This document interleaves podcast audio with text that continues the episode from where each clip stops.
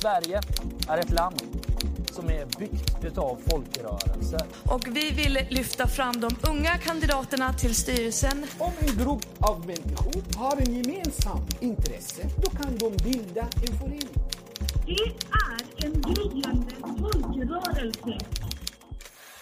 Goddagens och välkomna till detta sjätte avsnitt av Civilsamhällespodden. En podcast där jag får runt och träffar engagerade människor för att utforska mitt allra största intresse. Ideella föreningar. Mitt namn är Charles Metzma och till vardags så hittar ni mig som förbundssekreterare i Sverok. Spelhobbyförbundet som också är Sveriges största ungdomsorganisation. Men här i podden så representerar jag dock bara mig själv. För uppdateringar om den här podden eh, så går det jättebra att gilla den Facebook-sidan som också heter just Civilsamhällespodden. Och idag så sitter jag här i en lägenhet i Lund som bebos av Mimmi Garpebring. Goddagens! Ja men god dag på dig med. Du har ju ganska mycket i din civilsamhälleshistorik. Eh, Men just här idag så är du väl mest som valberedare i LSU? Jajamän, jag, jag har varit med länge men fasas ut så jag har väl några uppdrag kvar än så länge. Och LSU kan vi säga då också står för Landsrådet för Sveriges ungdomsorganisationer. Vi kommer komma in på det mer senare men först så ska vi ju förstå, förstås som alltid beta av den första punkten på dagordningen. Och det är att lära känna dig lite mer. Och det gör vi genom att ställa frågan Hur blev egentligen du en engagerad människa? Ja, jag startade min första förening sex år gammal. Oj, Jag eh, var jätte, jätteirriterad på Skellefteå kommun, för då bodde jag i en by utanför Skellefteå. För att de hade dragit in klädinsamlingsboxen på mitt så här by-ICA. För det tyckte jag var jättedåligt, för man ska ju återvinna. Enkelt sagt. Så jag skrev ett väldigt argt brev. Fick ett mycket seriöst svar tillbaka. Tror att de kanske inte tänkte att jag var sex, utan kanske några år äldre. Och utifrån det så bestämde jag mig för att starta miljöklubben. Någonstans så har jag fortfarande kvar en bok som liksom är dels dokumentation av de möten vi hade, layout på våra medlemskort, men också så här, tidningsutklipp om olika miljöfrågor och sådär. Och det, det var väl mitt föreningsengagemang sådär, som när man är sex i några månader och sen kanske inte är så roligt. men hur visste du att du skulle starta en förening då? Det, det är en mycket, mycket bra fråga. Jag tror att det förmodligen är, om jag inte missminner mig, en bok som finns hemma hos mamma som typ handlar om vad man kan göra för världen när man är ett barn. Och jag tror att det var i den som jag hittade någonting med att man fick ha, med, jag tror att det var medlemskorten som lockade först, att man liksom fick ha ett bevis på att man trodde på någonting. Och sen dess så har jag varit med i massa idrottsföreningar. Jag har varit med i elevrådet ungefär alltid och så sen så i tonåren så hamnade jag i den nationella engagemangsvärlden. Men vad var det som fick dig att vara kvar då? Om det var orättvisan i att eh, den försvunna klädboxen som drog in dig. Vad var det som höll dig kvar? Jag tror nog att alltså, det, var, det var spännande, alltså ett spännande sätt att utforska världen. Att utifrån ett ämne tillsammans med andra människor, eller ja, mina vänner, mina kompisar, få, få liksom så här grotta in sig, ha en anledning att bläddra i dagstidningen som de vuxna gjorde. Sådär. Och sen så, vi hade ju roligt och sen så var vi ute i naturen och gjorde massa experiment. Och du vet så här, un, eh, jag tror vi gjorde lackmuspapper någon omgång också. Du vet, skulle testa surhetsgraden i smält snö eller något sånt där. Och jag, jag tror att det liksom var som ett utlopp för jag har alltid varit så sjukt nyfiken på alla möjliga olika saker. Och att det var ett så tydligt utlopp för det. Och få göra det tillsammans med mina kompisar gjorde att det var jätteroligt. Liksom. Men jag tänker ändå att det är en bit bort från det här liksom nyfikna upptäckandet av skogen och men som du sa precis innan vi började spela in att du idag jobbar med processledning och mötesordförande för alla möjliga sorts organisationer. Jag tänker att det utvecklas med tiden. Jag tror att engagemang ofta börjar i ett intresse och sen så hittar man en form som, som man trivs i. Att det är väldigt få som dras till mötesformen som den första anledningen till att man blir föreningsnörd. Liksom. Utan oftast handlar det om att man är intresserad av någon specifik sakfråga eller är arg över någonting i världen och så hittar man ett forum där liksom den frågan behandlas som någonting stort, som någonting som, eh, liksom, där det finns andra människor som också är passionerade för samma fråga. Och sen blir man organisationsnörd. För det hände ju mig, att jag liksom gick över från att vara brinnande passionerad då för naturen till att bara så här, organisering, här, det här är det som är roligt och med allt vad det innebär. Jag kan känna igen mig själv i det där mycket. Fan, du är så jävla effektiv och rapp i dina svar. Det brukar ta mycket längre tid att nå, Mediatränad. ja, men nå den här punkten. Ehm, Men, men idag skulle du säga att det är liksom organisationstänket som är Ja. det som är, håller kvar? Verkligen. Alltså jag, jag tror att jag har kommit en punkt i mitt engagemang där, där liksom det finns fortfarande frågor jag bryr mig väldigt, väldigt mycket om.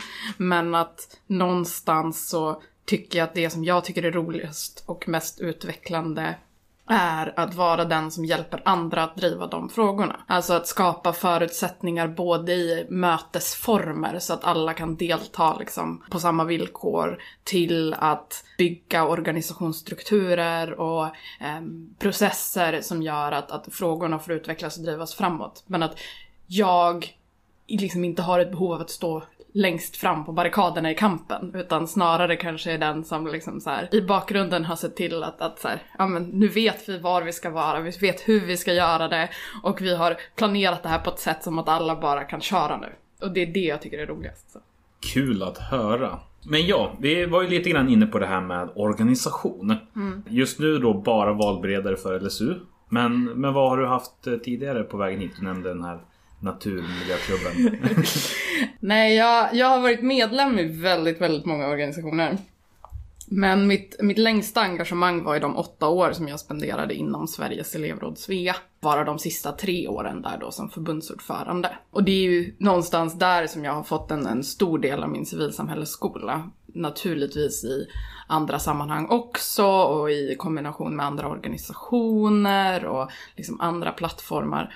Men att det är också en organisation som innehåller ett så alltså, vitt spektra av människor och mötesformer eh, och liknande. Att det, är liksom, det är en ganska bra grund för att vara näst, kunna vara nästan var som helst annars. Och sen som förbundsordförande, det är en sån här titel som folk ofta bara säger åh men det låter så fancy, så här, vad förbundsordförande. Man bara, ja fast en bättre titel många gånger i en ungdomsorganisation är ju så allt i allo. För nog, no fasiken sitter jag, eller satt jag och du vet så här, slickade i frimärken ibland när det skulle vara stora utskick. Såväl som att jag stod i nationell tv och debatterade mot utbildningsministern. Men att någonstans så har man som gjort det mesta och driver både interna och externa processer, en del själv och en del i samarbete med andra liksom. Och att liksom både få ett nätverk och liksom samarbeten med andra människor som, som är enormt och så himla himla lärorikt. Så. Men jag kan, det där är ju spännande just det du säger med att det blir mer av en allt i allo grej. Där är ju min arbetsbeskrivning lite ärligare. Därför att den, den är ju officiellt eh, att jag ska förhö- eller höja förbundets verkställande kapacitet.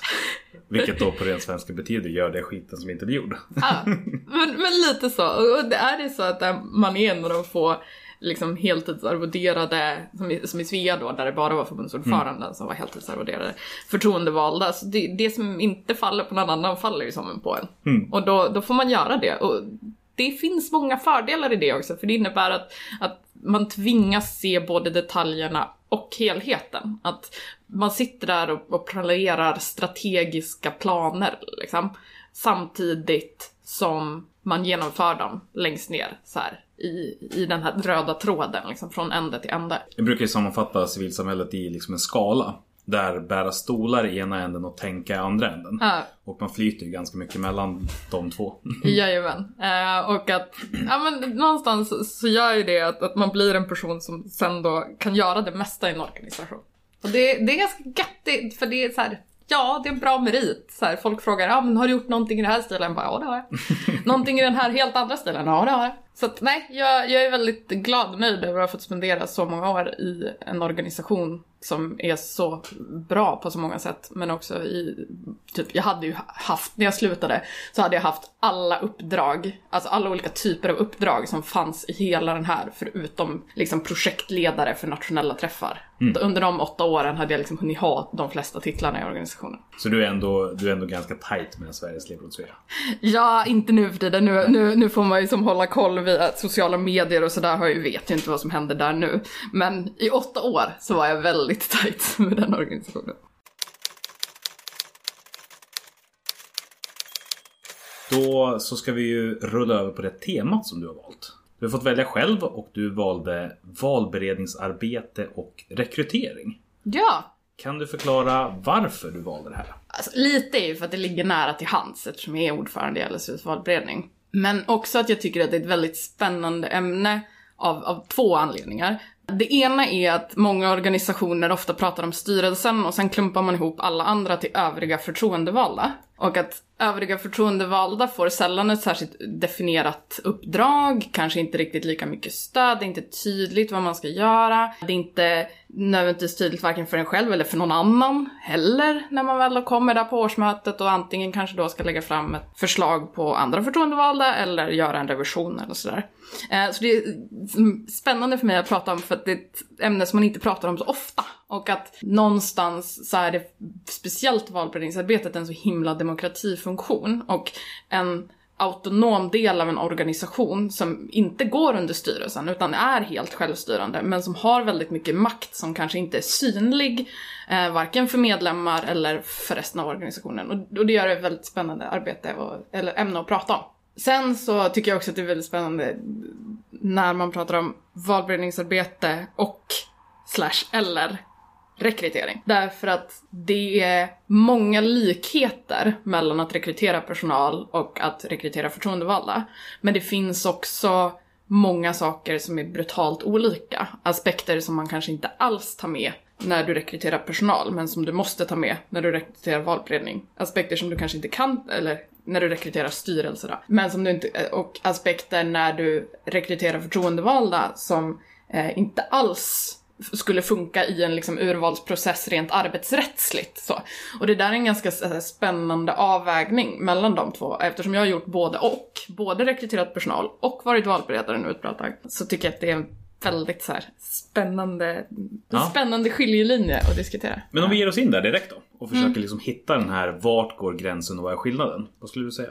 Alltså, ja, det, det är det här som jag blir så här, resonera är trevligt. Jag tycker ju att oavsett om det ska rekryteras förtroendevalda eh, eller om det ska rekryteras personal så, så bör man jobba eh, med kompetensbaserad rekrytering. Att utgå från så här, men vilka behov som organisationen har och, och så här, ställa upp någon form av kravprofil. Så här, vilka kunskaper, kompetenser, erfarenheter är det vi söker för att det liksom ska kunna genomföras ett bra arbete från de som då blir valda eller anställda. Men en ganska, så här, en ganska markant skillnad som jag kan uppleva är att förtroendevalda kan du på ett helt annat sätt rekrytera på potential, till exempel, än vad du kan rekrytera anställda.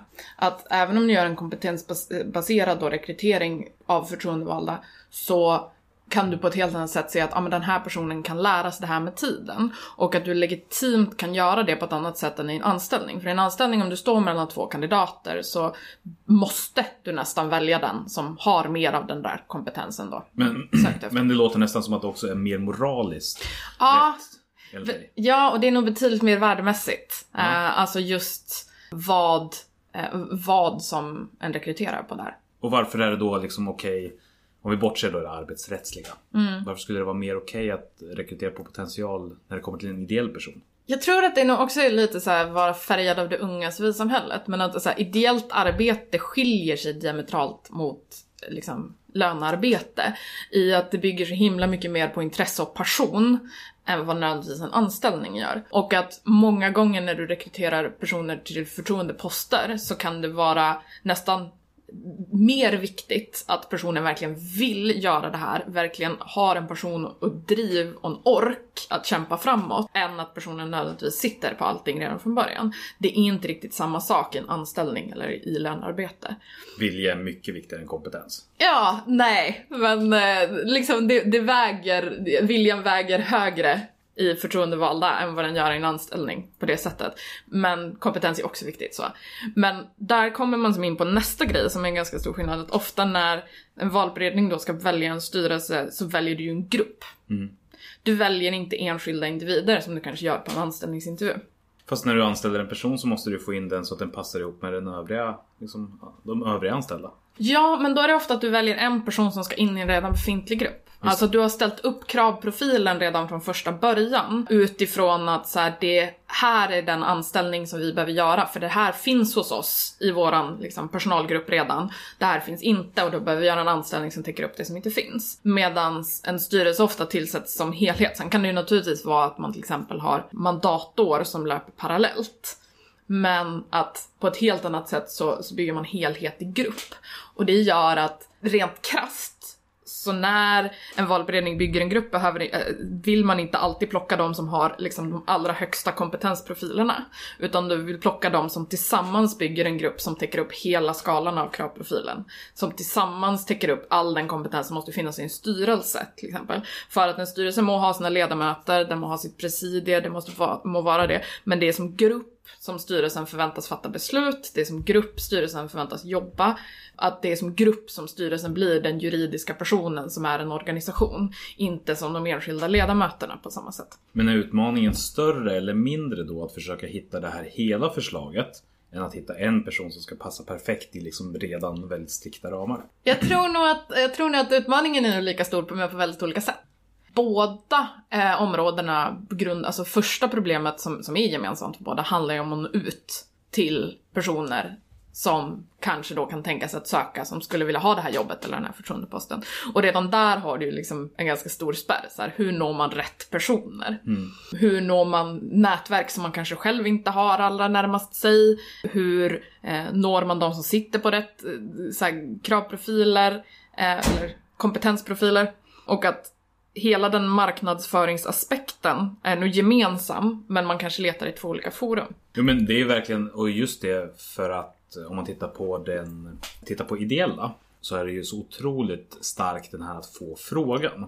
Nu är du den första som bryter trenden och som läste dig till vad en förening är istället för att bli tillfrågad om att vara med i en. Men, men även utanför podden just det här att Ja men varför blev du engagerad? Jag fick frågan. Alltså just att det finns en sån enorm styrka där att nå dit. Ja men verkligen. Och sen så alltså mina, mina stora nationella engagemang, de har jag ju fått frågan. Alltså det var någon som såg att ja, men här skulle kunna vara vettigt. Och många gånger i första led så handlar det just om det att man ser att någon har potential. Alltså så. Och det kan ju vara, alltså nu är det väl kanske så att de flesta inte går direkt in i ett styrelseuppdrag i en förening det första de gör i liksom organisations eller föreningsvärlden. Men däremot så kan det vara något som just kräver det där extra steget till, alltså i att någon faktiskt kommer fram till en eller hör av sig till en eller nominerar en till någonting som krävs just för att man ska ställa upp till den typen av saker. Ett jobb är ju att du själv söker upp det på ett annat sätt. Och det kanske också gör då att plattformarna och sätten att rekrytera blir lite olika. I LSU så är det här jätte, jättespännande för oss, alltså just det här med att rekrytera förtroendevalda, för det är svårt. I och med att LSU är en paraplyorganisation som liksom inte har några egna enskilda medlemmar eller aktiva på det sättet. Utan det, man har det liksom organisationer. Och att det är organisationerna som är medlemmar, inte faktiska individer. Och att det krävs att medlemmarna nominerar någon för att du ska vara valbar. Det är egentligen det enda som krävs, att du har blivit nominerad av en med, medlem. Liksom. Så blir det liksom ett extra steg, för att även om vi vill ställa frågan till folk så måste de fortfarande ha en nominering från en organisation. Och det, det är en väldigt spännande liksom, utmaning att ta tag i för att vi har ju insett att det som funkar från förra mandatperioden just för få personer till styrelsen, det är ju aktivt att börja leta upp dem, att ställa frågor till konkreta personer, till, alltså gå direkt till vissa medlemsorganisationer som vi kanske ser har varit underrepresenterade i statistiken på vilka som har suttit i styrelsen och sådär. Det är då man snabbt får in kandidater. Men samtidigt så är det också en utmaning. För vi kan ju som inte lägga någon i förslaget eh, som ska representera en organisation som inte kanske vill att den här personen ska sitta i styrelsen eller vill att den personen ska representera den.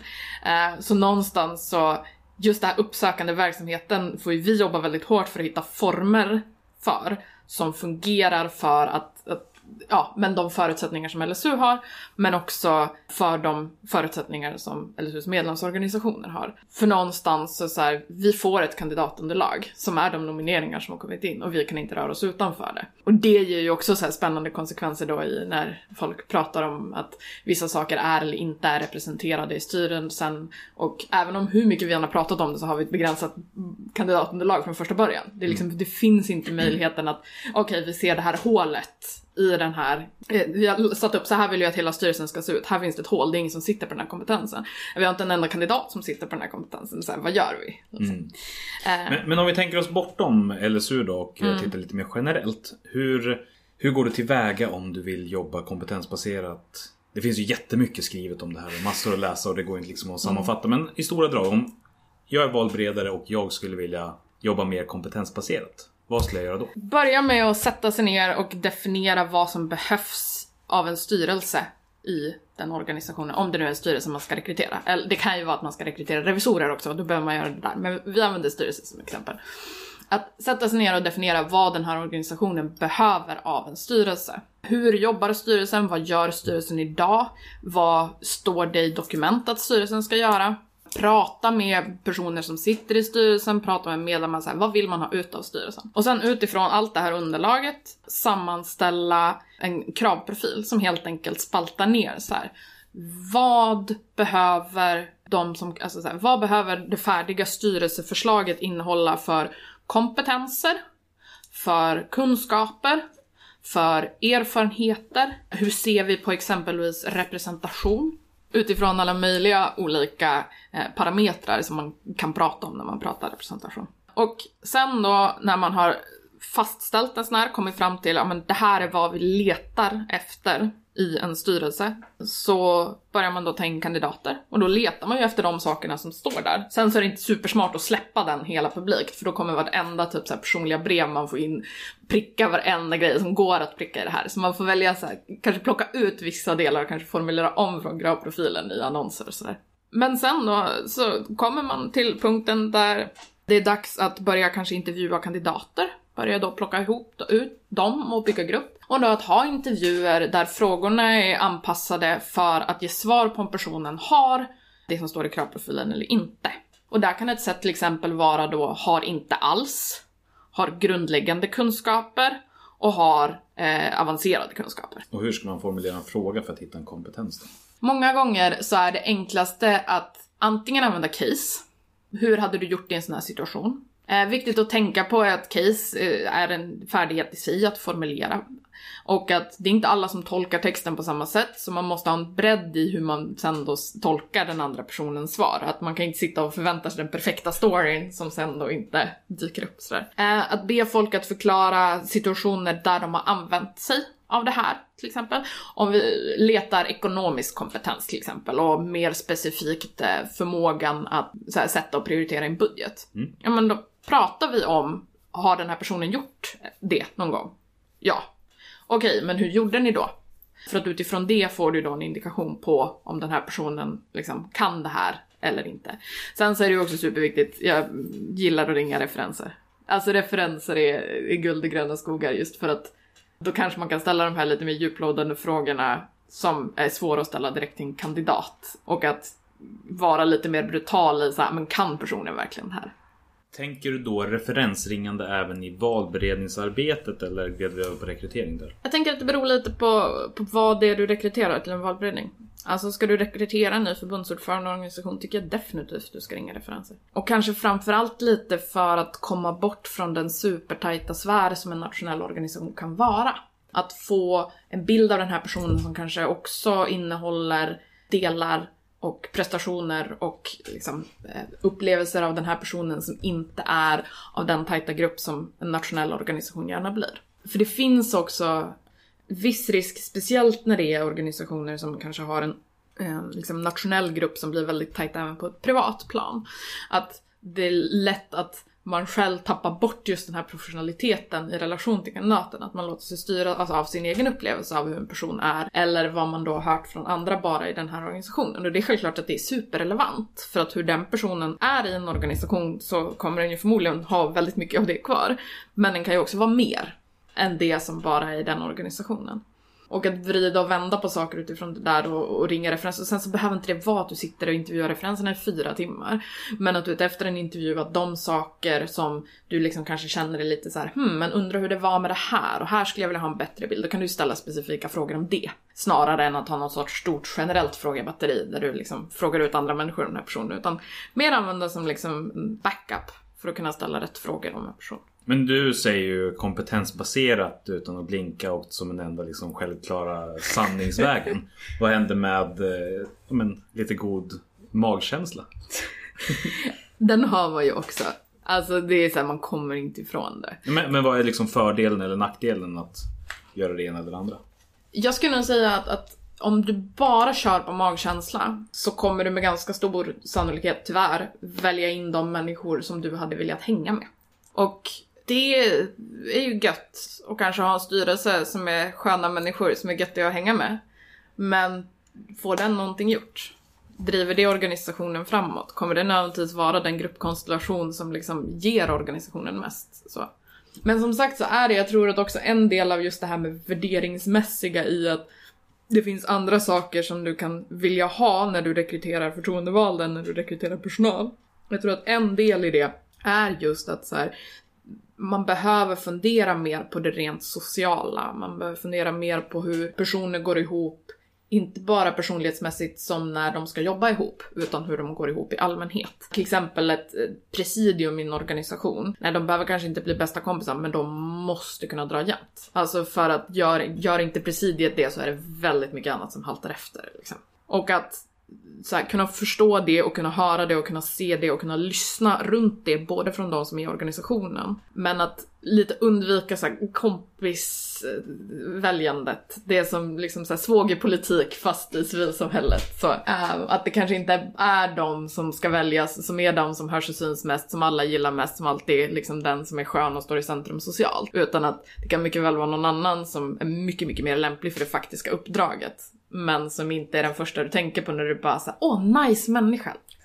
Sen så, sen så, ja, alltså jag, jag föredrar kompetensbaserat framförallt också för att det skalar, det skalar fördomar, det skalar bort liksom så här, de bias som man själv har uppbyggt i sitt huvud. Alltså så här, när du väljer dina vänner så gör ju du det helt omedvetet utifrån alla erfarenheter du har haft tidigare i ditt liv och alla fördomar du har och liksom så här, så krasst får man ju säga. Men för att undvika till exempel få en snedfördelning i kön eller en snedfördelning i etnicitet. Alla bias som folk sitter på att de inte ska vara det som gör att välj, alltså, du väljer en viss person eller en viss grupp. Därför tror jag det är superviktigt med kompetensbaserad rekrytering. Därför att om du bara går på magkänslan kommer du välja gosegos och förmodligen folk som du trivs med men som är lite för lika dig själv.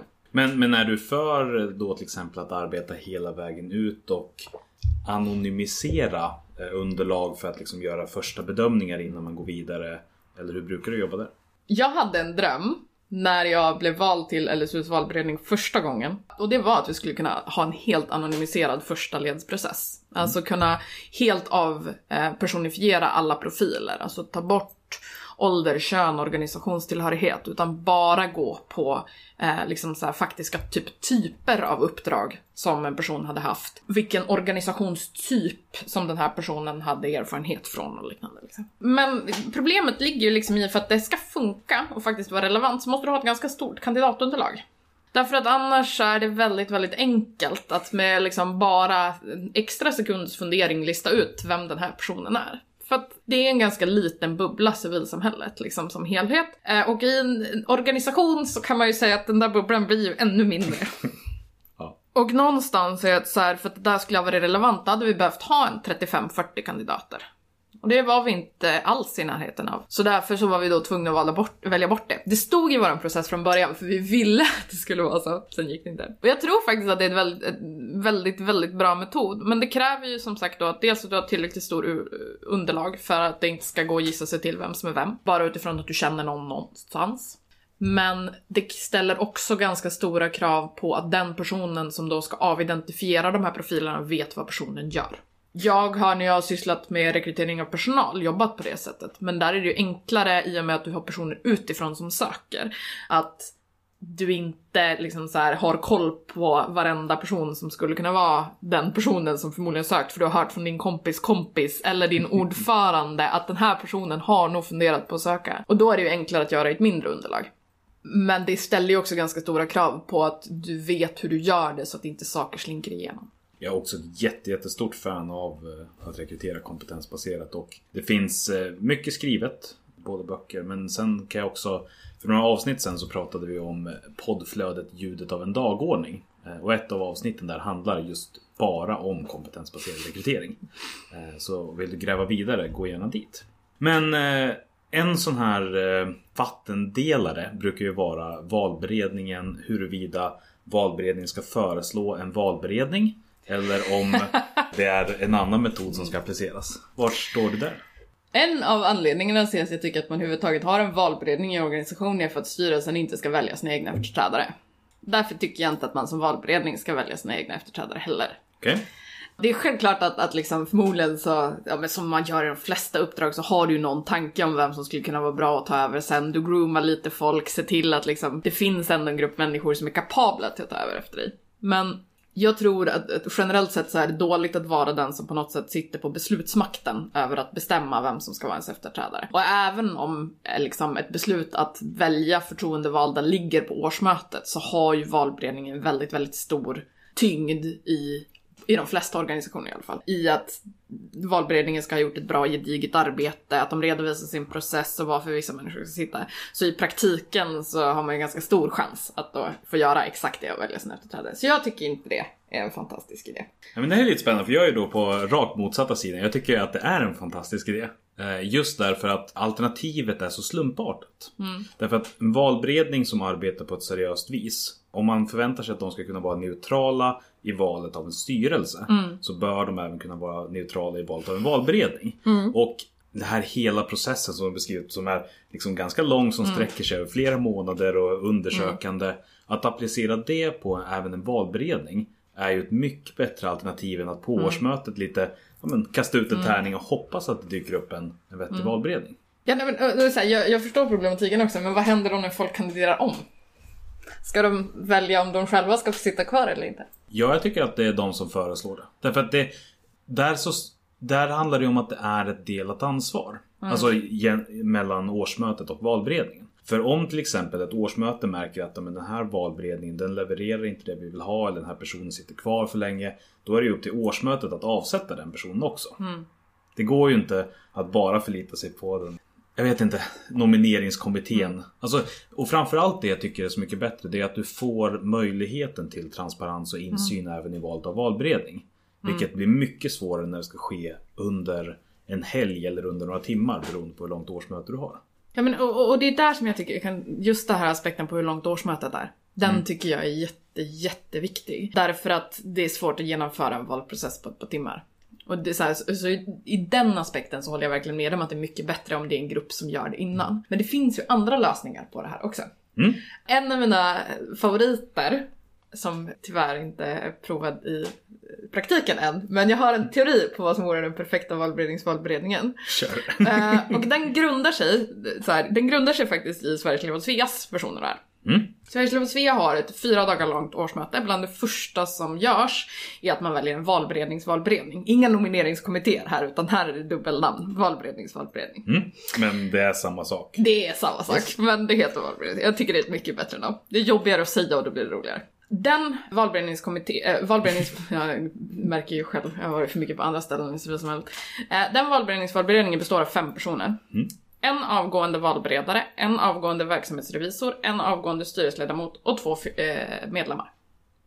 Mm. Så det är liksom, det är en grupp på fem personer som eh, kommer från de olika förtroendevalda grupperna, det vill säga därmed har koll på organisationen. Det finns någon som har koll på valberedningsarbetet, någon som har förståelse för det att kandidera, så. Och sen medlemmarnas direkta insyn i att sitta i den här. Och sen så jobbar den här då under hela helgen. Och valet sker typ sist. Så att i princip så har den här valberedningsvalberedningen fyra dagar på sig att göra sitt arbete. Och det funkar bra. Liksom. Men det kräver ju också fyra dagar. Och är det då till exempel så att det istället är så att man kanske har en eftermiddag som är ens årsmöte.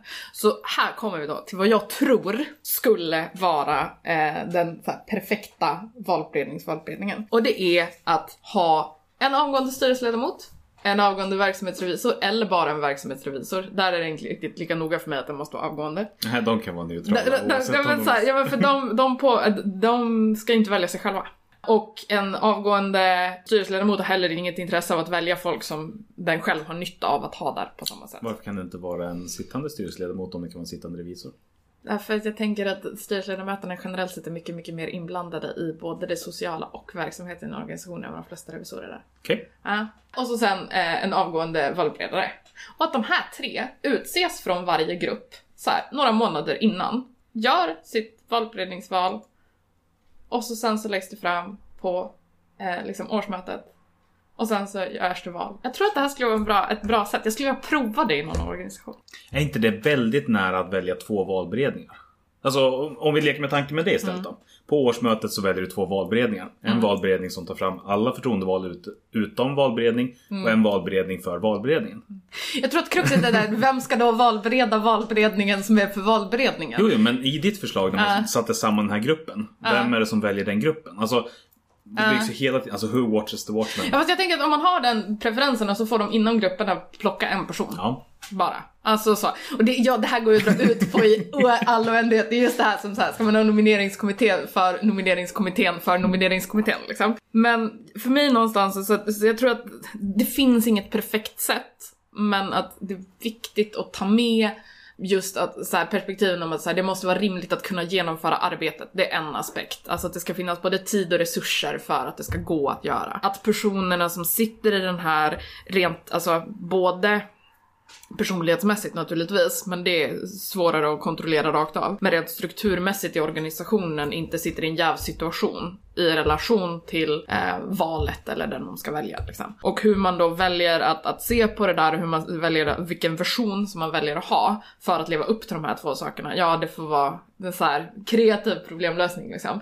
Men jag har Nej, generellt sett, jag har svårt för valberedningar som väljer sig själva för då tycker jag att man är i direkt beroendeställning till sig själv, vilket är en jättespännande situation. Men, men det är också ganska mycket beroende på vad det finns för tradition i organisationen. Verkligen. Alltså, för, om jag jämför med Sverok där jag tycker att det här fungerar väldigt bra. Mm. Där finns det också en lång tradition av att eh, gå emot valberedningens Mm. På ett eller annat vis. Vilket är en annan typ av problematisk Mm. grej.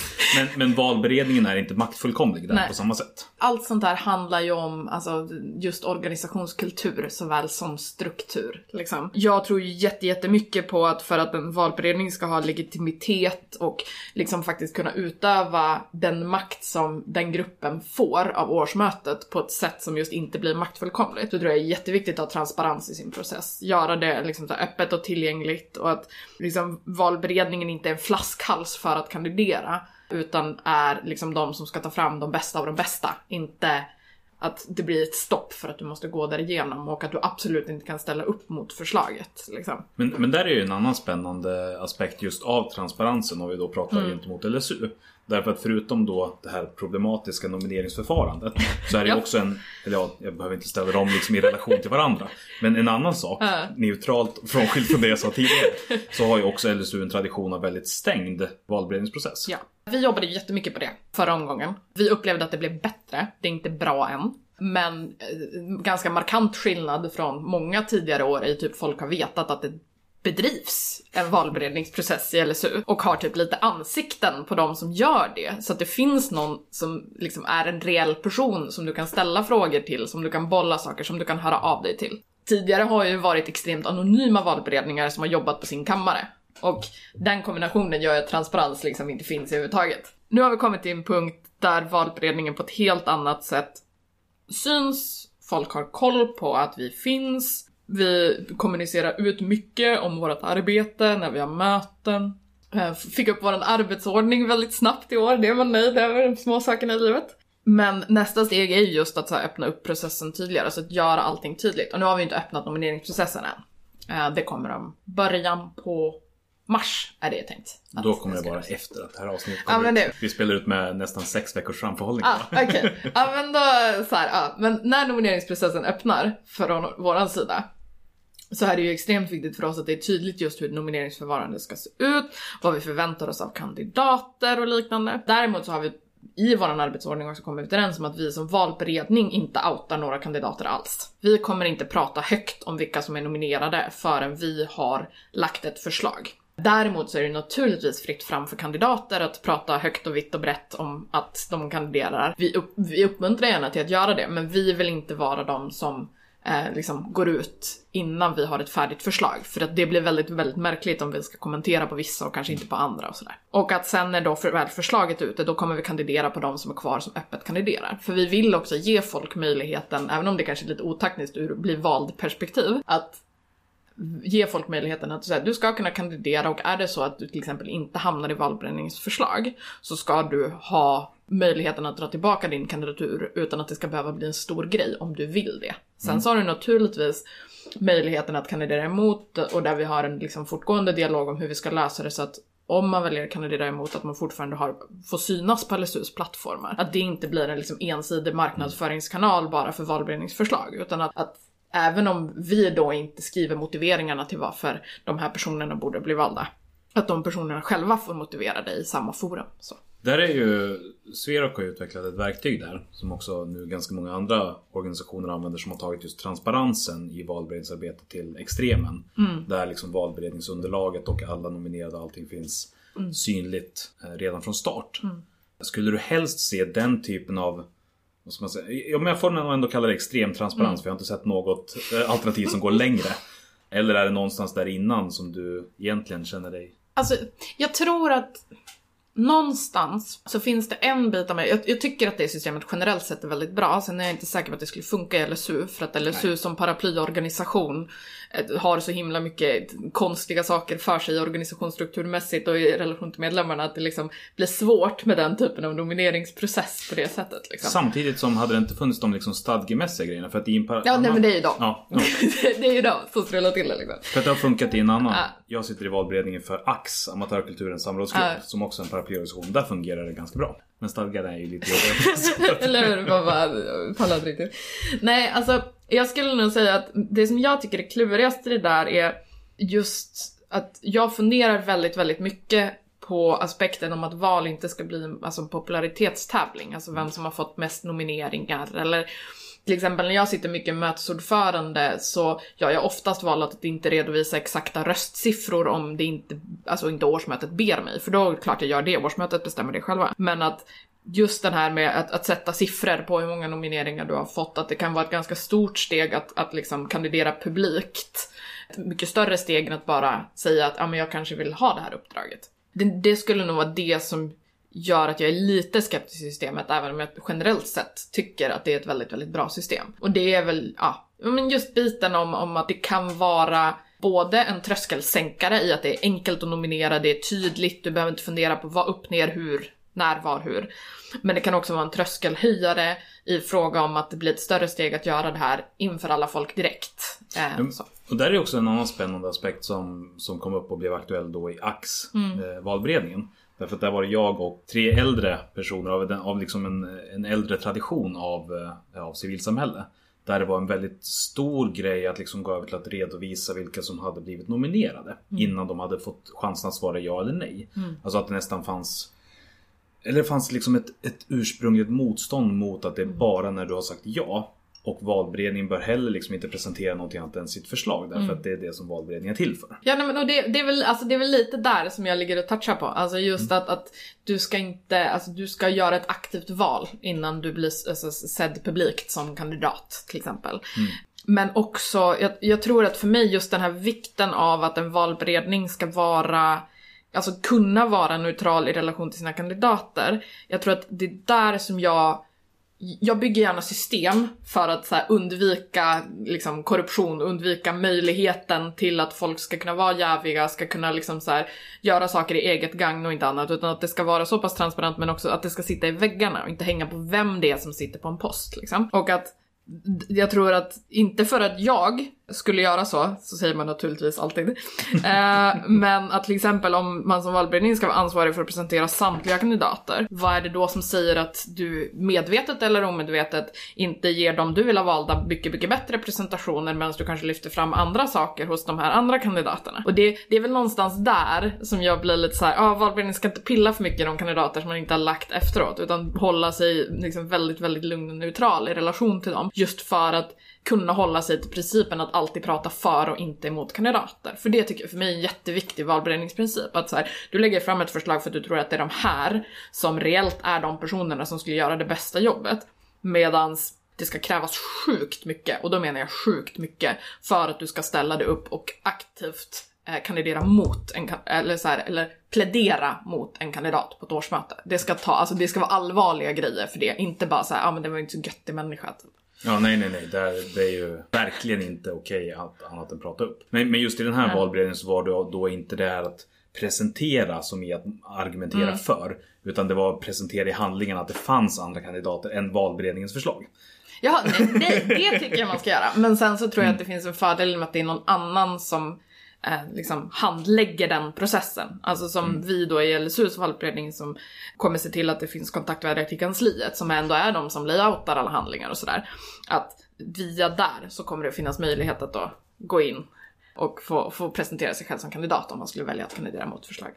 En annan aspekt av eh, valberedningsarbetet som är ganska intressant det är just det här hur passivt eller ag- inte aggressivt, aktivt heter det. Eh, som valberedningen ska vara. Därför att jag får ändå uppfattningen av många valberedningar som jag träffar att det är lite grann som som någon slags arkeologi. Alltså man sitter på knä i sanden och med penseln tar sandkorn för sandkorn och försöker hitta det här engagemanget. Men jag vill liksom få det till att en valberedning mer är en tornado som liksom blåser igenom en organisation och lyfter upp allt och ser vad, vart fanns det någonstans. Alltså om man skapar engagemanget mer. Gud vilken spännande fråga. Ja, jag tror att för mig så måste en valberedning nog vara väldigt, väldigt drivande bara för att skapa medvetenhet i organisationen om att uppdragen finns. Alltså helt ärligt. För att alltså, du vet att det finns en styrelse men det är inte så ofta så här om du inte sitter i den styrelsen som du tänker på men vad gör egentligen en faktisk ledamot i den här styrelsen? Hur mycket tid lägger personen ner? Vad är de exakta arbetsuppgifterna? Utan styrelsen som mest är där och gör saker. Eh, Och jag tror att, att som valberedning så just måste man vara väldigt drivande i att så uppmärksamma att, de, alltså, att platserna finns, att möjligheten finns, att saker och ting inte är eh, heller hugget och stucket i sten. Det här är en så här, jättelång sidospår som jag verkligen skulle kunna ha i tio år. Men det är vilken relation man som valberedning har till styrelsen, den är värd att fundera på. Eh, just i fråga om att till exempel Ja, behöver styrelsen kanske ändra sina arbetsformer i någonting? Funkar deras liksom, interna struktur i sina eh, arbetsområden liksom, för att vi ska kunna rekrytera folk till de här faktiska platserna och så här, hur man har den dialogen. Men det är ett jättelångt sidospår. Man kan få höra av sig till mig om man vill prata mer om det. Men jag tror att det är pillepillandet att avtäcka och liksom så här, hitta rätt i sista ledet. Jag tror att då är det väldigt viktigt att ta det just det här lugna, metodiska, men lite för att kunna få kvaliteten som du letar efter så måste du ha någon form av kvantitet. Du måste ha en mängd människor, både för att liksom så här kunna göra en bedömning om vad som är rimligt att sätta i en styrelse rent alltså kompetensmässigt. Kommer vi kunna få ihop det här? Men också för att ha en chans att just bygga den här gruppen som vi har pratat om tidigare i avsnittet med de olika eh, liksom, kompetenserna runt ett bord. Och att det är där det måste finnas den här helheten i hela kompetensen, hela kravprofilen. Eh, och för att då kunna plocka in allt det, ja men då måste du ha ett stort urval. Så jag tror att man får köra hårt som fan i början och bara så här rakt fram, så här, vända varenda sten och bara så här pusha, pusha, pusha och så sen så i slutet så får man då, då sitter man ju där då till slut med sitt smörgåsbord och så sen så plockar man ihop den perfekta tallriken. Så att, ja, både och. Ja, men jag, håller, jag håller helt med dig där. Men, men just det att eh, jag träffar på så många som börjar i ansatsen av arkeologin. Va? Hur får de några kandidater? Nej men of, det är ofta valberedningar som heller, alltså så här, som inte lägger allt för mycket energi i sitt arbete i övrigt och i stor del ställer frågan vilka är det som ska sitta kvar? Jaha, alla vill sitta kvar, då behöver vi inte göra någonting i år. Alltså den typen av, av valberedningsarbete som ändå är ett par ambitionssnäpp under det som vi har pratat om här idag. Ja. Nej men jag tänker att det är kanske inte så konstigt att göra så i en liten lokalförening till exempel. Alltså så här, då, du, du kanske inte, du har den pool av människor som är aktiva och som vill vara i organisationen och då kanske du inte på samma sätt behöver göra det här stora arbetet. Jag tänker att det stora arbetet kommer ju kanske mer när det ställs högre krav både på styrelsen men och, alltså, och på organisationen som helhet. Men också att det kanske är svårare att, att rekrytera. Det är inte självklart när du kommer till ett årsmöte att så här, exakt de här personerna ska det vara. Utan det är liksom någonstans valberedningens jobb att ta fram vilka de här självklara ska vara. Men samtidigt just det här eftersom att det är så tydligt att det är frågan. Alltså vill du? Eller skulle du kunna tänka dig? Alltså det är det som får folk att ställa upp.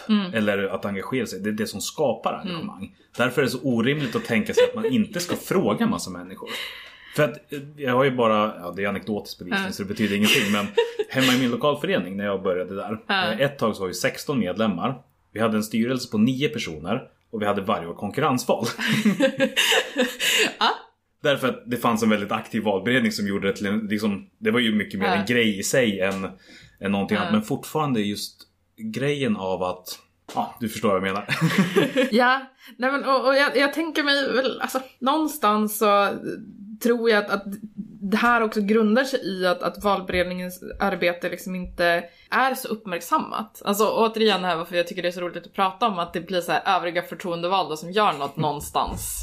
Och just att så här, att sitta i en valberedning, det handlar inte bara om att titta lite på folk och bara men du och du och du ska sitta i styrelsen. Utan det handlar ju just om att aktivt skapa förutsättningar för att kunna ta fram en grupp människor att välja på årsmötet som kan driva organisationen framåt. Att, att liksom som valberedning, du är inte bara där som någon sorts facilitatorsroll där du säger bara, ah, men här eh, skriver jag en inlaga till vårt årsmöte med de här kandidaterna finns det.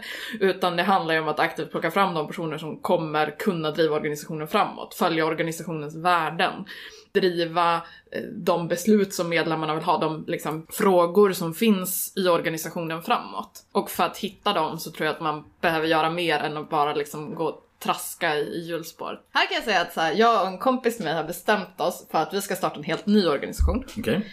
Den här organisationen ska heta Övriga förtroendevalda. eh, och den ska enbart jobba med alla andra förtroendevalda förutom styrelsen. Liksom bara rikta sig till personer som har andra typer av förtroendeuppdrag än styrelsearbete. Så ni ska vara en branschorganisation mer? Precis. Ja. Mm. Mm. Och att naturligtvis så styrelsen heter övriga förtroendevalda i den här organisationen. Det är liksom den, den förtroendevalda gruppen. Men framförallt alltså för att bara få en chans att prata om det. För att så här, valberedningsarbete, ja det handlar om rekrytering, ja det handlar om att skapa engagemang eh, i en organisation och så här, hitta folk, lyfta folk. Men hur gör man det? Och hur gör man det i olika kontexter, i olika organisationer? Samma sak med så här, verksamhetsrevisorer, det är jag också för övrigt vald till. V- vad gör de egentligen? Jag tycker att revisor är det bästa Jag vet, i en organisation. jag med. Det kan vi... Jag med. Men alltså, så här, att, att liksom ha ett forum för att, att prata om det här. För att till exempel, så här, det finns många ordförandenätverk. Men hur många verksamhetsrevisorsnätverk finns det? Jag har inte hört talas om något alls Och hittills. de är ju på riktigt typ lika många som ordföranden. Ja, oftast fler. Det, det, och det är just det här någonstans att, att värdera, alltså för att en organisation, generell svensk organisation, har tre stycken auto, helt autonoma förtroendevalda grupper. Man har en styrelse som inte lyder under någon annan än årsmötet. Man har eh, en valberedning som inte lyder under någon annan än årsmötet och man har revisorer som inte lyder under någon annan än årsmötet. Så här. Och det är det som blir så spännande, en ganska vanlig missuppfattning någonstans är att styrelsen ändå ska vara liksom styra lite i de här två andras och deras förutsättningar för Nej, vad och hänt. saker. Det har hänt i många organisationer som jag har sett. Fy! Men det är en helt autonom, alltså den sitter på samma maktnivå inom citationstecken som styrelsen, bara inom ett helt annat område. Både verksamhetsrevisorerna och valberedningen. Och det är därför jag tror att det är så himla viktigt att lyfta upp de här andra förtroendevalda grupperna. För att liksom så ge samma typ av eh, liksom, möjlighet till erfarenhetsutbyte, möjlighet till utbildning som liksom en, ett, en styrelse har. Jag har stött på många styrelser som liksom har introduktionsutbildningar. Så här, du kommer in i styrelsen, då ger du den här stora introduktionen till vad styrelsearbetet är. Du får den stora överlämningen. Liksom. De allra flesta styrelser som jag har stött på, jag och så. Sen har jag stött på få valberedningar som har samma. Utan oftast är det typ så här får ni från förra året. Det blir bra. Det är mycket färre valberedningar som får de här utbildningarna. Överlämningarna är ofta mycket alltså mindre trots att det kanske är här i den typen av process och liksom vad som är organisationsspecifikt där är kanske än viktigare går i arv just för att liksom, det finns inte så många andra platser att ta till sig det på. Och verksamhetsrevisorer, där har jag på riktigt och fullt fast i alla allvar i hela mitt liv aldrig hört talas om en överlämning. Men du kanske har gjort det, för i sådana fall så skulle det göra mitt liv så mycket bättre. Alltså, ja, det har jag. Yay! Mm, Och jag vet att det sker i... eh, Har skett. I år var det inte så, men det har skett i Sverok. Mm. Och där är det också... Just verksamhetsrevisorer är ju svårare som överlämningsgrej. Därför Mm. att det finns jättemycket att lämna över samtidigt som det finns ingenting att Mm. lämna över. Men valberedningsmässigt till exempel om vi tittar jag har ju bara Sverok att jämföra Mm. med nästan på nationell nivå. Men, men där finns det ju så dels systemet och dels finns det ett Mm. 16-sidigt dokument som ligger öppet. Alltså själva arbetsplanen för valberedningen Mm. ligger öppen. Om man går in på wiki.sverok.se så kan man hitta den. Bara i den formella överlämningen så finns det så mycket även om resten Mm. av valberedningen säger fuck you och bara släpper allt och drar. Och det är ovanligt. Mm. Alltså det är superovanligt. Ja, ja. Det, och det är ju det, det som någonstans så här blir så spännande för mig att två så pass, alltså de finns i alla föreningar. Mm. Alla föreningar har de här funktionerna. i princip helt utan undantag i Sverige. Men ändå så finns det så pass lite liksom formella rutiner för det som liksom är vanliga på ett annat sätt. Det är mycket vanligare att sakna kassör än att sakna valberedning. Ja, verkligen, verkligen. Eh, och det där är också så roligt för att, alltså, varför jag också säger så här i Sverige är för att valberedning och nomineringskommittéer är så inrotat i att det ska finnas i svenskt föreningsliv. I många andra länder existerar de inte. Och att jag vet att när jag drev i NSSN, Nordic School Student Network, som är den nordiska organisationen för elevorganisationer, så hade vi en ganska lång diskussion om vi skulle ha de här nomineringskommittéerna. Där Norge och Sverige bara ja, hur gör man det annars? Finns det något annat sätt än att inte ha? Alltså såhär, vad håller, va? Nej, klart vi ska ha den. Medan Finland bara, nej men det där är ju odemokratiskt. Ska de ha insyn i vilka personer som kandiderar och inte alla andra? Nej, alltså enda sättet att göra det här det är att alla får presentera sig på årsmötet. Så här. Och inget, inte göra något urval annat än de röstande. Eh, nej, utan det, det, det är liksom alla ska ha tillgång till exakt all information liksom. Och så sen försökte vi då lite smidigt argumentera för att ja, fast det händer ju inte. Det är ju snarare därför man väljer en valberedning för att du ska ha någon som har tid att sätta dig in i all den här informationen, processa sig igenom den liksom och inte bara ha så här första intrycket liksom. Men det var en väldigt, väldigt intressant diskussion. Eh, Så. Men som sagt så här, i svenskt civilsamhälle så har alla en valberedning. Så det är spännande att det inte pratas mer. Så är det. Och eh, nu när jag tittar på inspelningen ser jag att vi, vi rullar över och kommer att göra det absolut längsta avsnittet hittills. Men, men det gör ingenting. så många kan säga. Det, det är spännande att eh, jag valde att men, de här avsnitten ska vara ungefär en timme. Och känslan var hos många som jag provade att säga nej, kommer du fylla en timme? Och så, "Ah, jag kan, jag kan väl prova. Men, men det känns alltid som att det är för lite tid.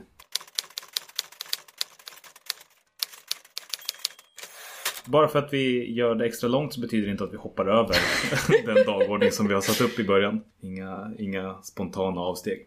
Utan varje gäst brukar ju få chansen att dela med sig av lite personliga erfarenheter. Som då är kopplade till det engagemang de har haft. Eh, Och det ska ju du också få göra. Du ska få beskriva ett misslyckande och vad du lärde dig av det. Och sen så ska du få skryta lite grann och säga någonting som du gjort riktigt jävla bra. Och då får du själv välja vilken av dem du vill börja med. Mitt bästa misslyckande, och jag menar verkligen bästa för att det var någonting som var extremt nyttigt för mig i fråga om att så här, lära mig själv att definiera mitt eh, engagemang. Det var när jag inte blev vald till vice ordförande i Sveriges Levande Svea. Jag ställde upp och kandiderade, var valberedningens förslag, men föll på mållinjen. Och det är typ bland det jobbigaste som har hänt mig i hela mitt liv. För det är liksom så här, du vet, man går in med inställningen på så här, men det är då tryggt, det är klart jag måste liksom så här, se till att prata med folk, det är klart jag måste se till att liksom presentera det bästa jag är och liksom se till att folk förstår varför jag kandiderar, men så här, jag är ändå valberedningsförslag, jag vet att jag har stort internt stöd, så här, yes. Och sen så faller det och jag menar på målsnöret. Inte, inte, det var ingen brakseger för den här personen utan det var verkligen så här målsnöret. Men, men blev du invald som ledamot istället? Eller var det helt Nej, jag kandiderade ju bara till vice ordförande. bara? För, för grejen är, då, det har vi faktiskt gemensamt. Eh, Att eh, jag har också varit valberedningsförslag till, val, till vice ordförande men inte blivit vald. Men jag hade ledamot som backup så det kom in jättestort istället. Nej, alltså jag hade ju suttit som ledamot i två år och sa det att jag bara Alltså så här- du helt plötsligt utanför Ja. Ah, vad det, det, det, det är en lång story, det är en lång story. Jag hade suttit som ledamot i två år och kände väl att så här, jag hade stagnerat väldigt mycket i mitt uppdrag, jag utvecklades inte längre. Mm. Och därför så sa jag att så här, nej men jag, jag kandiderar till vice ordförande men jag kandiderar inte till eh, ledamot. Därför att helt ärligt så tror jag inte att jag skulle, så här, jag skulle inte trivas. Förmodligen någon annan som skulle göra ett bättre jobb för jag skulle inte känna att jag varken utvecklade organisationen eller mig utifrån den positionen. Kruxet var ju bara att det jag hade lovat var ju att jag skulle kandidera till vice ordförande. Om jag blev vald till vice ordförande så ska jag sitta som det i ett år och sen ska jag kandidera till förbundsordförande. Och det här var ju som så här, jaha, här stod jag där utan uppdrag. Men jag ju fortfarande så här ändå, ja, internt i organisationen, eh, så här stöd för min fortsatta ordförandekandidatur. Liksom, så här, ja men det är klart du ska köra vidare. Så. Eh, och så sen så här, var det en period där det var Men, väldigt... vänta, jag måste bara pausa det. Menar du att alla de som inte röstade på dig som vice ordförande sa att självklart ska du bli Ja, ordförande sen? pretty much. Det, det är en spännande form av logik. Ja, ja. faktiskt väldigt spännande. Men, men så var det. Ja. Eh, och framförallt utifrån medlemmar, alltså som gjorde det, alltså för att liksom internt nu menar jag framförallt liksom den aktiva gruppen nationellt liksom. Mm. Men även att det kom fram medlemmar som bara, nej men du ska inte vara här, men det är klart du måste bli ordförande sen. Så här, eh, väldigt spännande. Och väldigt här, ändå smickrande, det var ganska skönt att höra då när man precis inte hade blivit vald. Eh, Det är ganska gött att få den bekräftelsen. Men följde av en period där det var väldigt stor begreppsförvirring av vad jag egentligen var i den här organisationen. För jag var ju också en sån där människa som du vet, så här, hade varit lite överallt, var en sån där människa som man ringde när man behövde någonting. Du vet, så här. Och så kom jag såhär, fan ska vi kalla henne det här året? då?" Så här. Eh, då fick jag den fantastiska titeln skolpolitisk sekreterare. eh, också en sån där fin allt-i-allo-post på många sätt. Men Tillsatt av Ja, styrelsen. tillsattes av styrelsen. Ja. Precis. Och En ny nivå spännande Ja, faktiskt. väldigt en nivå spännande. Och i det då så, ja men vad, vad gjorde jag? Du vet, så här, skrev politiska underlag till styrelsen, höll liksom så här politiska föreläsningar, var med i debatter, alltså så här, ja.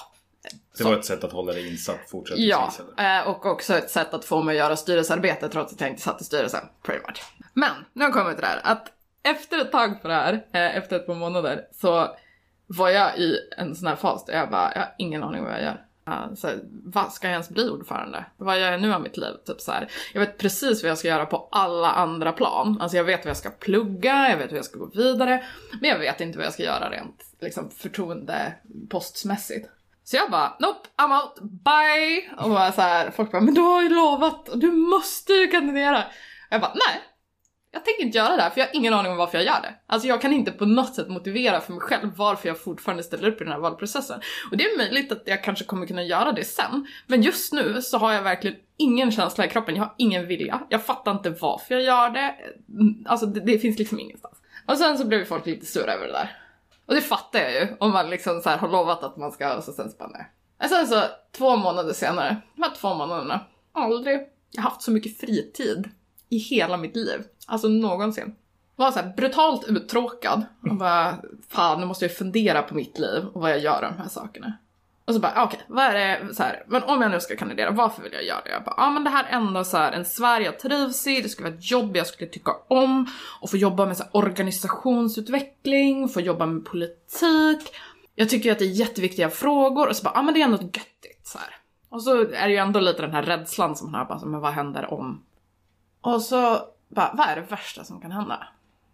Nej, det är ju att jag inte blir vald. Ja men det har jag ju redan prövat. Det är lugnt! Nu kör vi! Och så sen så i mitten av hösten då så kom jag tillbaka och sa nej men nu har jag genuint tänkt igenom det här. Jag har hittat så här anledningar både i mig själv för varför jag vill göra det här men också en mycket tydligare trygghet i så här, min riktning var jag vill organisationen ska gå. Så att jag liksom, det jag kandiderar på det kan jag uttrycka nu. Men oj vilken konstig känsla det måste ha varit i kroppen för den som under det där två månaders spannet då visste om att man hade spelat bort den person som man ville ha som ordförande. Så här, jaha, nej. Ja, nej, alltså jag, ja, jag vet inte. Jag var ju inte en av dem. Jag tyckte mest att det var skönt att Mm. så här inte vara, alltså för det är nog den enda gången i mitt liv där jag inte haft något förtroendeuppdrag. Utan bara såhär, Men var det en smärtsam process att liksom gå igenom varför du skulle ställa upp? Eller var det snarare liksom en självklarhet och en uppenbarelse efter en tid? Alltså jag tror mest att så här, just eftersom jag hade sagt att jag inte ska kandidera och det var inte bara publikt utan jag hade ju också bestämt mig själv för att jag inte skulle göra det. Så tog det ju bort cirka all press från det. Det fanns ju inga, alltså så här, jag kunde tänka på det utan att så här, behöva ens komma fram till någonting. Jag hade ingen deadline på när jag behövde funderat klart. Jag behövde inte ens alltså, tänka i banorna, ska jag kandidera eller inte? Utan bara så här, fundera över mitt liv, fundera över mitt engagemang, fundera över frågorna som jag brann för i organisationen, fundera på organisationen. Och när jag kunde göra det, då, då föll liksom bitarna på plats. Då, då var det så här, ah, men det är klart jag ska kandidera till ordförande. För det värsta som kan hända är att jag inte blir vald. Och jag överlevde sist, så då kommer jag överleva jag. Att inte bli vald är faktiskt... För mig var det en ödmjukande upplevelse. Ja, Japp. Och någonting jag egentligen kan rekommendera till alla. Nej men jag, har jag har inte blivit vald två gånger. Första gången var första gången jag kandiderade till styrelsen i Svea. Ja, du, då gjorde jag Ja, samma sak också. Då blev inte jag vald. Eh, och sen så när jag inte blev vald. Och jag tror faktiskt att det är nyttigt. För att Mm. det är viktigt, alltså när man inte blir vald, att, det är klart det handlar om att så här, uppenbarligen vill de inte ha en på posten. Men att det inte handlar om att folk ett hatar en. Det är viktigt att komma ihåg bara Mm. generellt sett. Och två att så här, men okej om jag då vill bli vald, vad är det jag behöver lära mig? Nej, men första gången som jag ställde upp till Svearoks förbundsstyrelse var jag inte ens nära att bli invald. Verkligen inte nära. Mm. Nej inte jag heller. inte jag heller. Och, och det var just den här grejen att faktiskt behöva fundera. Vad hade jag gjort fel med valberedningen? Vad hade jag gjort fel på mötet? Är det så att jag är fel eller är det att, liksom hela den här grejen som kommer? Men framförallt slutändan att lära sig men vad är det jag behöver förbättra för att vara bra för organisationen. Nej men och jag tror att det är just där också som jag verkligen säger att det här är mitt bästa misslyckande. För det var klart att det var skitjobbigt när det precis hände. Alltså jag kommer ihåg eh, att liksom så här, en halvtimme efter valet efter så jag hade gra- gratulerat personer som hade vunnit, du vet så här, så jag sagt nej men det är så här fint så här. och när jag till slut hade tagit mig ut ur folkmassan så satt jag och bölade en timme, alltså bara för att, alltså där, in, inte nödvändigtvis för att jag var ledsen, utan bara för att så här, helt plötsligt så släppte hela den känslomässiga spänningen och att så här, vad gör jag nu? Jag hade inte alls samma grej där för att jag, hade, jag var valberedningsförslag till ledamot. Och sen på lördagen av ett tre dagars riksmöte så kom valberedningen och sa att vice ordförande hoppat av. Det som var våran eh, kandidat. Vill du vara vårt förslag gentemot sittande? Eh, och jag sa ja. Det är, det här- det är Alex nu som är förbundsordförande. Så, men han spöade mig för han, han hade bättre fo. Ja, nej men och, och så här.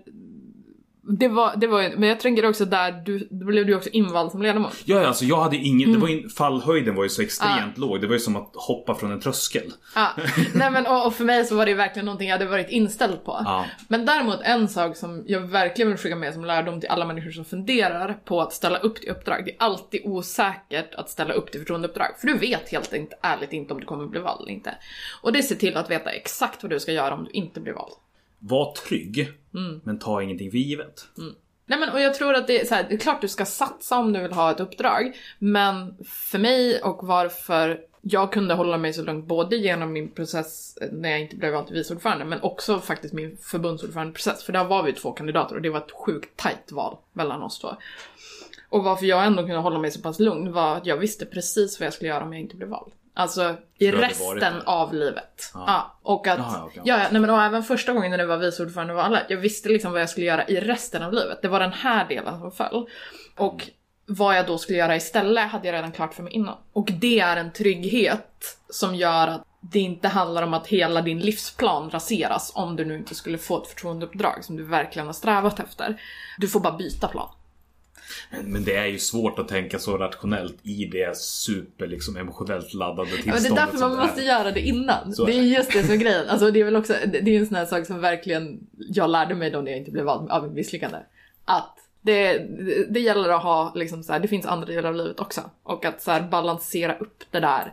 För att annars blir det väldigt, väldigt tungt. För att så här, du kandiderar inte på skoj Nej. till liksom höga positioner. Utan det är en passionsfråga som handlar om att du lägger ditt liv i liksom andra människors händer. Men då måste du också vara beredd på att ta tillbaks det. Och den framgång du vill dela med dig av då? Jag tror min största framgång var eh, i Sveriges Levande Svea. När jag började så satt Sveriges Levande Svea rätt mycket i skiten ekonomiskt. Man hade haft många stora projekt liksom. Eh, som hade dränerat liksom, grundorganisationen ganska hårt. Och att i och med att det var stora projekt så var det också så här att ja, men, det var inte jättetydligt från alla håll och kanter hur ekonomin skulle skötas och var saker och ting skulle ligga. Och mitt i allt det där så hade man också gjort någon sån här ganska stort organisationsutvecklingsprocess där man hade byggt om massa delar av organisationen. Så när jag började så var det så här, jaha, okej, typ allting är superspretigt. Eh, det går inte att fixa över en natt för vi har typ inga pengar att fixa för det. Så vi måste både fixa pengar och vi måste se till att den här organisationen typ så här liksom har den interna byråkratin för att orka sträva uppåt. Typ. För att kunna ta emot pengar. Ja, pretty much. Så. Nej men typ så. Och det var inte det att det inte funkade. Det var bara väldigt suboptimalt. Det var liksom, det var uppförsbacke överallt liksom. Så det jag tror jag är mest stolt över, det var när jag fick äran att leda det strategiarbete som kickades igång då när jag blev ordförande. Som handlade om att strömlinjeforma organisationen. Både organisatoriskt, ekonomiskt, verksamhetsmässigt, politiskt, alltså liksom alla bitar i hela organisationen skulle liksom enas i en riktning. Och det var ett jättearbete, eh, just för att liksom kongressen, när då liksom alla de här förändringarna skulle klubbas. Jag hade redan från början vägrat bara, det ska inte skrivas någon jävla strategi här. Eh, det är ett strategiarbete, men det ska inte skrivas någon jävla strategi. Var, varför då? Det ska inte bli ytterligare ett dokument. Okej. Och det ska inte bli ett dokument som vi kan glömma bort. Utan strategin måste vara inbyggd i vartenda ett av alla de andra dokumenten. De ska gå så i linje med varandra att det ska vara tydligt hur man driver den här organisationen framåt. Så här, stadgar, skolpolitiskt program, fokusfråga, verksamhetsplan, alla arbetsordningar, alla policies, alltså alla dokument som du kan hitta. Så kom då till slut det stora årsmötet när allt det här ska klubbas igenom. Alla styrdokument och sånt på årsmötet Alla också? policies och sånt där, det, det löste vi i styrelsen när vi tog ett beslut som var upphäva samtliga policies och sen antog sju. För vi, när vi hade grävt i arkiven hade vi hittat så här 74 stycken som var lite så överlappande, inte riktigt, ja du fattar. Nej, men alla stora styrdokument. Så att liksom så här, alla eh, stora styrdokument hade helrevisioner som klubbades igenom på samma årsmöte. Så vi klubbade helt nya stadgar med ny syftesparagraf. Vi klubbade en helt ny verksamhetsplansform med nytt innehåll. Ett helt nytt skolpolitiskt program och en ny form för fokusfrågorna. Just det, ett idéprogram också. Så, här, skrev jag också. så vi hade alla stora liksom, så här, årsmötes så, som klubbades igenom samtidigt. Och det var ett väldigt spännande årsmöte. Men det gick bra.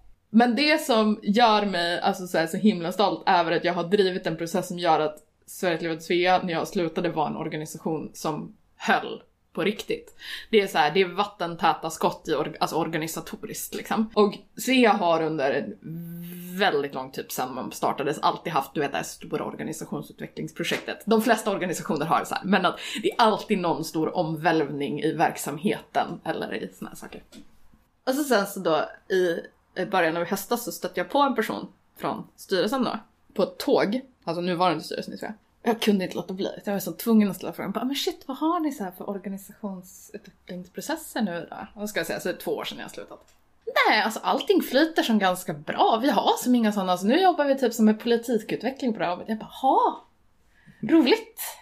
Vad skönt att höra. För! så det är nog typ det jag är mest nöjd med i hela mitt engagemang. Också för att när jag började så här, så visste jag typ inte vad jag gjorde. Och så sen så när jag var klar med arbetet så hade jag så här, lärt mig sjukt mycket själv. För att jag har provat allting som går att prova, typ. Misslyckats med allting som går att misslyckas med och lyckats till slut. Liksom att så här, det blev sjukt bra. Så att, eh, nej, det är nog min så här, skrytsak. Jag är väldigt nöjd över att ha genomfört strategiarbetet som gjorde att så här, både ekonomin och organisa, alltså det organisatoriska i Svea står på sina ben stadigt. Riktigt jävla grymt. men, men det här, inte för att på något sätt eh, ta ifrån dig, men jag måste ändå göra en passus över till, till vuxenvärlden gentemot ungdomsrörelsen. för att det finns ganska många inneboende skillnader. Jag var på ett, eh, vi se hur jag ska säga det här för att inte outa för mycket. Men vi kan säga då att jag var på ett årsmöte för en riksorganisation som är, rör sig i vuxenvärlden. Och där så hade styrelsen lagt fram ett förslag till nya stadgar. Det var fyra paragrafer som skulle ändras. På mötet så kom det in ändringsförslag på tre av de här. Vilket gjorde att mötet inte kunde hantera den här frågan utan det återremitterades till nästkommande stämma två år senare. Därför att mötet var så dåligt staffat för att kunna hantera en diskussion om tre paragrafer. Så därför valde man att liksom skjuta över det beslutet till nästa stämma om två år. För att alla skulle hinna sätta sig in i och så här. Och det är någonting som jag kontinuerligt blir så jävla imponerad av just i ungdomsrörelsen. Att det finns den förmågan att agera ordentligt. Ja men verkligen, och, och det är liksom så här, alltså, man, alltså jag brukar ofta säga så här, skynda långsamt. Därför att så här, någonstans var ju poängen med hela det här arbetet att man skulle slippa lappa och laga. Alltså slippa fixa, du vet så här, hela tiden så här, slänga murbruk på hålen liksom, utan faktiskt så här, grundmurare. Men det var ju också så här, just det här med att kanske då implementera innan beslutet fattats. Att så här, hela arbetet bedrivs med liksom, att du har referensgrupper av medlemmar. Att det är tydligt, allting är utkommunicerat innan. Liksom så här, allting är processat längs vägen. För att så här, jag förstår många gånger att man skjuter på saker till liksom nästa år eller nästa, just för att så här, jaha, vad var det här då? Jag har ingen aning. Så här, ska jag fatta beslut om någonting jag inte har koll på? Så här, det är liksom demokratiskt ur ett rent så här, informationstekniskt perspektiv. Typ. Men i ungdomsorganisationer så har du ju inte lyxen att du bara säger ja ja men alla vi kommer vara här på nästa årsmöte om två år. Så då får man ju snarare använda liksom andra sätt att lösa den typen av diskussioner på. än Men att också att sen- tillgängliggöra vad Ja. innebär det här förslaget så att det inte Ja. är en uppläsning när beslutet ska fattas. Ja, och så har vi fått in ändringsyrkanden också. Rösta nu. Där faller klubban. Den typen av agerande, det, det är ett helt annat avsnitt nej, också. nej, men, alltså, jag, jag, jag tycker det är jätteskönt liksom, att prata med vuxenorganisationer inom citationstecken då. Alltså, Mm. så, om det där. För det, jag upplever faktiskt att det blir bättre och bättre. Alltså i fråga om diskussionsforum i vuxenorganisationer. Eller, ja. Verkligen. Jag pratar gärna om vuxenorganisationer för då pratar man inte om organisationer och ungdomsorganisationer. Men så här, det är vuxenorganisationer, det är bättre med diskussionsforum, det är öppnare frågeställningar, det är bättre berett innan eh, än vad det kanske har varit tidigare. För jag upplever att så här, det har verkligen gått en förändring från att så här, årsmötet är där du bara svingar klubba. Så här, ja, nej, ingenting annat. Eh, till att så här, faktiskt vara ett forum för diskussion aktivt i organisationen och även liksom i vuxenvärlden. Ja, jo men så är det ju. Det, och det, bara för att det finns ett exempel så betyder det inte heller att alla ska dras över en kam. Fast de är rätt många som fortfarande ser ut sådär. Det är rätt många som fortfarande ser ut sådär. Så må det vara, men däremot så eh, har de ju mycket andra kvaliteter som ungdomsrörelsen ibland saknar. Så kontinuitet och... Eller hur? Men man, så här, någonstans, man får bygga för det bästa från de två världarna. Kanske man lyckas hitta en så här, den ultimata organisationsformen. det tror jag säkert. Men med det här så vill jag rikta ett eh, jättestort tack till dig Mimmi för att jag fick komma hem till det här. Tack själv! Och jag vill också jätte, jättemycket tacka dig som har lyssnat. Det betyder otroligt mycket att ni är så många som ni är och att ni faktiskt hör av er och deltar i en diskussion även efteråt och liksom söker efter mer kunskap och det här som ni pratade om, vart kan jag läsa mer om det? Det är jätte, jättekul. Eh, så fortsätt jättegärna höra av er. Finns på Facebook-sidan. Eh, och jag vill också påminna då återigen om att om det är så att du vill vara med i den här podden, gå in på www.civilsamhallespodden.se och leta upp formuläret som finns där i menyn. Hör av dig så hörs vi igen om två veckor. Och jätte, jättestort tack till dig Mimmi. Hej då! Sverige är ett land som är byggt utav folkrörelser. Och vi vill lyfta fram de unga kandidaterna till styrelsen Om en grupp av människor har en gemensam intresse, då kan de bilda en förening. Det är en gryende folkrörelse. Ja men det här blir säkert bra. Nu kommer du få redigera så jag inte låter som ett raljerande as. Fast jag tycker om raljerande as. Ja, men ni, ni, ni är vissa. Andra brukar vara så här. speciellt, eh, vad ska man säga, äldre män. Ja, men samtidigt, Det alltså... är lite svårt för mitt sätt att prata bara, men vad vet du om det här? Man bara, "Det är dig. Fast jag tycker att raljansen är det effektivaste sättet att nå en poäng. Ja. Ofta. Ibland så är den bara att förstöra. Men jag tänker att så här, alltså, ja, eh, så länge man fortfarande har någon sorts ödmjukhet i att så här, oj förlåt, så är det där klumpigt efteråt.